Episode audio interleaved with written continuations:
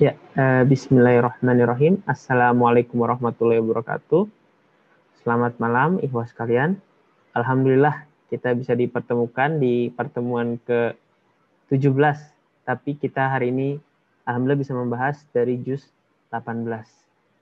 Uh, kembali lagi kita bisa membahas tafsir Ismaili yang diampu oleh Ustadz Nur Faji Ramadan. Dan juga uh, semoga ikhwas kalian tetap semangat ya. Udah masuk ke 17 terus juga habis terawih. Insya Allah kita akan memurojaah hal-hal yang udah kita tilawah tadi siang. Uh, sedikit himbauan, jadi dari panitia udah buat uh, absensi, jadi bisa ikhwas kalian bisa isi uh, mulai hari ini dan besok. Soalnya itu untuk nanti untuk insya Allah ada sertifikasi dari uh, yayasan kosan pesan bisa. Uh, seperti biasa sudah tahu peraturannya. Uh, mungkin kita bisa mulai dengan mengecek apakah Ustadz Fajri bisa bersuara. Oke, okay. ya.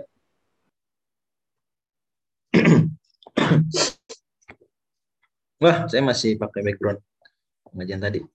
Ngaruh lagi FKUI. Sebentar ya. Non, oke. Okay. Oke. Bismillahirrahmanirrahim. Assalamualaikum warahmatullahi wabarakatuh. Sudah bisa dimulai?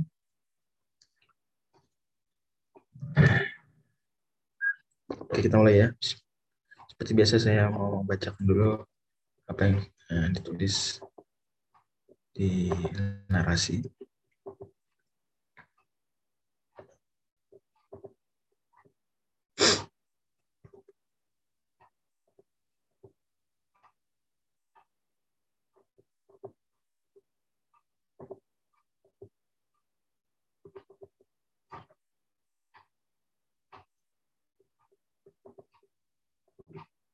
Oke.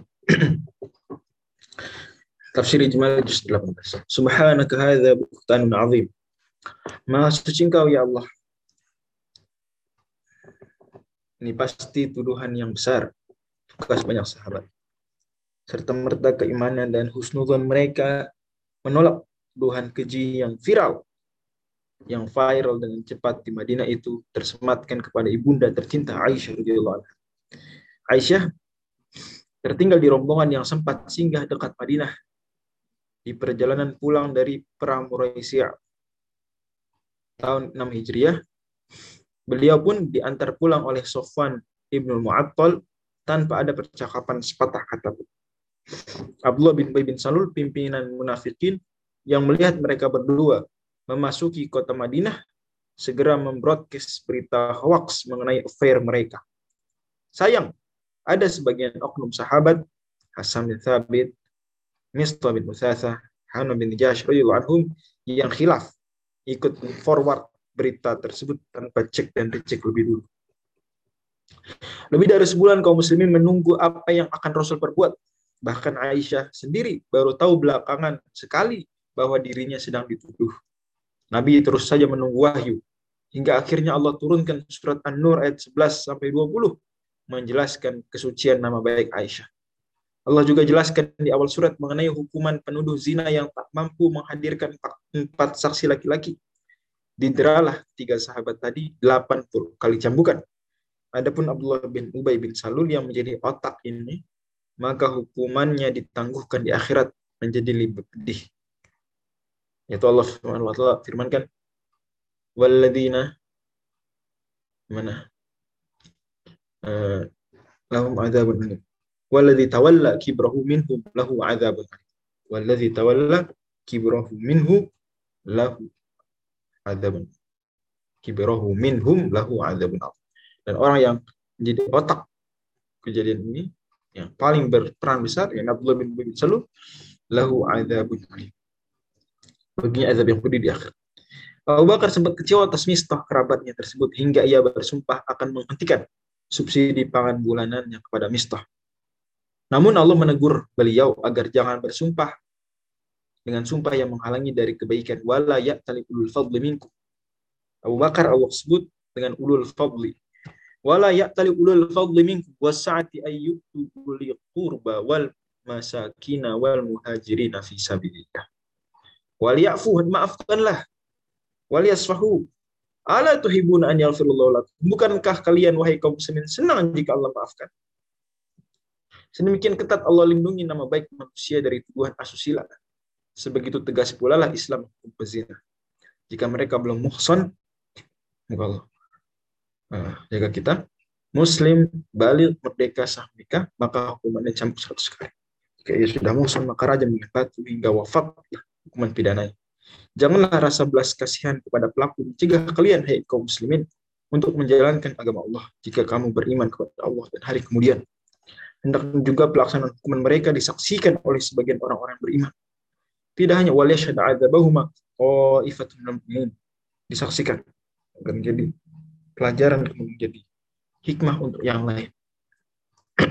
wala ta'khud wala ya'khudhukum bihi ma ra'fatun wala ta'khudhukum bihi ma ra'fatun fi dinillah. Jangan karena kasihan kemudian kalian tidak laksanakan hukuman pidana Allah. Tidak hanya hukuman yang bijaksana, Islam pun sudah mengajarkan etika dan aturan sebagai langkah preventif kemungkaran. Perintah menjaga kehormatan di masa lajang, perintah menikah, larangan buka aurat, larangan masuk atau menengok rumah orang lain tanpa izin, larangan memandang yang diharamkan, dan konsep mahram. Sungguh barang siapa menjalankannya, ia akan diterangi cahaya Allah. Akan diterangi cahaya Allah, Allah nur samawati wal ard. Masal nurihi kamishkatin fiha bismillah. Maka bagaimana mungkin kalian wahai kaum muslimin berpikiran buruk terhadap Aisyah radhiyallahu anha sementara beliau adalah istri Nabi Shallallahu alaihi wasallam sementara kaidah dasarnya ialah wanita yang keji lelaki yang keji sedangkan wanita yang baik untuk lelaki yang baik pula maka sungguh beruntunglah mereka yang khusyuk dalam sholatnya yang menjauhkan diri dari perbuatan dan perkataan yang tidak berguna ini awal surat Al-Mu'minun yang menunaikan zakat, yang memelihara kemaluannya, yang memelihara amanat dan janjinya, yang memelihara sholatnya, yang tidak dilalaikan pekerjaannya. Masuk lagi surat An-Nur. Ya. Dari menjalankan kewajiban agama, Tidak dilalaikan pekerjaannya dari menjalankan kewajiban agama dan mengingat Allah yang karena takut azab Tuhannya mereka sangat berhati-hati.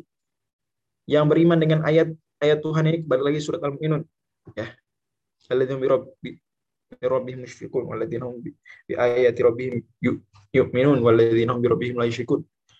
Yang tidak bersekutukan Tuhan nih yang memberikan apa yang mereka berikan sedekah dengan hati penuh rasa takut tidak diterima. Beruntunglah sebab mereka lah orang-orang yang bersegera dalam kebaikan, dalam banyak kebaikan ulai kayu syari'una fil khairat. Dan mereka pula yang akan mewarisi Firdaus ulaika warithun alladzina yarithuna firdaus. Hum khalidun mereka kekal di alam. Itulah jalannya para rasul. Yang sekalipun berbeda generasi ya ayuhar rusul kulam kulum nat-thayyibat wa amal salihan inni ma ta'maluna alim. Wa inna hadhihi ummatukum ummatan wahidah sekalipun berbeda generasi tapi sejatinya satu umat. Alangkah meruginya orang yang memecah belah agama serta memisahkan diri dari jalan mereka kullu farihun. Amal perbuatan mereka laksana fata morgana di padang luas yang datar. Amalun kasarobin biqiyati yahsabu dham'anu ma'a. Disangka air oleh orang-orang yang haus. Tetapi hatta idza ja'ahu ketika sudah didatangi, lam yajiduhu syai'an, ia tidak dapatkan apa pun. Jalan hidup mereka gelap gulita. Au kadzulmatin fi bahri lujji di kegelapan laut yang dalam. Ya min fawqihim. Ya, ditutupi kegelapan tersebut oleh yang syahu maujun min fawqi maujun min fawqi sahab. Ditutupi gelombang demi gelombang di atasnya lagi ada awan gelap. Zulumatun ba'buha fawqa kegelapan yang berlapis-lapis. Hatta idza akhraja yadahu lam yakada yaroha kalau dia sampai-sampai ketika dia keluarkan tangannya saja hampir-hampir tidak dapat melihat. Wa man lam yaj'alillahu lahu nuran famalahu min nur. Siapa yang tidak Allah? Berikan cahaya tidak punya cahaya seandainya mereka kami rahmati dan kami enyahkan malapetaka walau rahimnahum balik surat al. Wa kasyafna ma bihim min durrin dan kami enyahkan malapetaka yang menimpa mereka pasti mereka akan terus menerus terombang ambing dalam kesesatan mereka. Begitulah. Famalam yaj'alillahu lahu nuran famalahu nur siapa yang tidak kami beri cahaya maka ia tidak punya cahaya sedikit pun. Sayang orang musyrikin sayangnya sepanjang sejarah selalu mencemooh para rasul. Mereka berseloroh mahadza illa basyarum mithlukum Orang ini tidak lain hanyalah manusia seperti kalian. Yuridu an yatafaddal alaikum ingin menjadi orang lebih mulia dari kalian. Walau Allah la malaikat. Kalau Allah mau, dia utus malaikat lah pasti. Mereka pun mengelak. In huwa illa rajul bihi jinnah. Dia hanyalah seorang laki-laki gila. Yang lain menyinyir.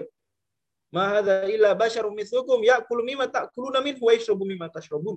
Orang ini tidak lain hanyalah manusia seperti kalian juga. Makan apa yang kalian makan, minum apa yang kalian minum. Maka tanyakan kepada mereka, wahai Nabi Muhammad, milik siapakah bumi dan semua yang ada di dalamnya jika kalian berilmu. Qul limanil ardu wa man fiha ta'lamun. Siapakah Tuhan yang memiliki langit yang tujuh dan yang memiliki arsy yang agung? Siapakah yang di tangannya lah berada kekuasaan segala sesuatu, dia melindungi, tidak ada yang dapat dilindungi dari azabnya jika kalian mengetahui. Siapa? Siapa semua itu? Niscaya mereka jawab Allah. Saya Allah. Tetapi mereka enggan menaati para rasul. Mereka tak mempercayai hari berbangkit. Mereka tak meyakini tauhid. Padahal bagaimana mungkin ada lebih dari satu Tuhan. Tuhan-Tuhan tersebut pastilah akan saling bersaing dan saling malahkan sebab sifat Tuhan sejati ialah kemahatunggalan dalam segala kehebatan. Sungguh jika kebenaran itu walau tabal haqqu ahwa'ahum jika kebenaran itu menuruti keinginan hawa nafsu mereka pasti binasalah langit bumi dan semua yang ada di dalamnya. Di antara mereka ada juga yang pura-pura mendaku iman dan tak terusul. Tetapi apabila mereka wa ilallahi wa rasulihi jika diajak pada Allah dan Rasulnya agar Rasul memutuskan perkara di antara mereka liyah bainahum idza fariq ternyata ada sebagian mereka yang tiba-tiba menolak untuk datang. Afi apakah dalam hati mereka ada penyakit? Amir tabu atau mereka ragukan Rasul? Am yakhafuna an yahifallahu alaihi wa rasuluh. Apa mereka takut jangan-jangan Allah dan Rasulnya zalim? bal ulaika enggak enggak enggak mereka orang zalim mereka tak beriman wa ma ulaika bil mu'minin mereka hanya tidak beriman saja maka komitmen wahai kalian kaum muslimin kalian dalam ketaatan pada rasulnya jangan berpaling ucapan mukmin sejati inna kana qaulal mu'minina idza du'u ila Allah wa rasulihi ay yaqulu sami'na wa Mukmin sejati yang tak rasul ucapannya hanyalah sami'na wa kami mendengar dan kami taat. Allah telah janjikan bagi orang bahwa orang beriman dengan tauhid bagi beramal soleh dan menjauhi kemusyrikan la yanastakhlifannahum fil ard kami akan kata Allah jadikan berkuasa di bumi. Kama stakhlafal ladzina min qablihim. Sebagaimana dia telah menjadikan orang-orang sebelum mereka berkuasa. Dan sungguh wa numakkinanna lahum dinahum alladzi irtadalahum dia akan meneguhkan bagi mereka dengan agama yang telah ia ridhoi dan walibat ilanahum min ba'di amna dan Allah akan benar-benar mengubah keadaan mereka setelah berada dalam takut menjadi aman sentosa. Yang dengan tauhid. Ya udnahi. La yushriku nabi syai'ah. Hormatilah Nabi lebih dari siapa pun. Meskipun para Nabi pun makan dan berjalan pasar-pasar. Hormati mereka. Iya betul mereka ya, makan, mereka berjalan di pasar. Sebagaimana di awal surat Al-Furqan lihada rasul yaqul ta'ama wa yamshi fil aswaq. Kenapa? Ya memang begitu, tapi hormati. Jangan panggil la taj'alu du'a rasul bainakum ka du'a ba'dikum ba'du. Panggil rasul seperti manggil orang biasa. Jangan. Beliau mulia dengan wahyu. Kami jadikan waja'alna ba'dukum di ba'din fitnatan. Kami jadikan sebagian kalian cobaan bagi sebagian yang lain. Atas birun maukah kalian bersabar? Wa kana rabbuka basira dan Tuhan Maha melihat. Allah misal kita pindah ke slide.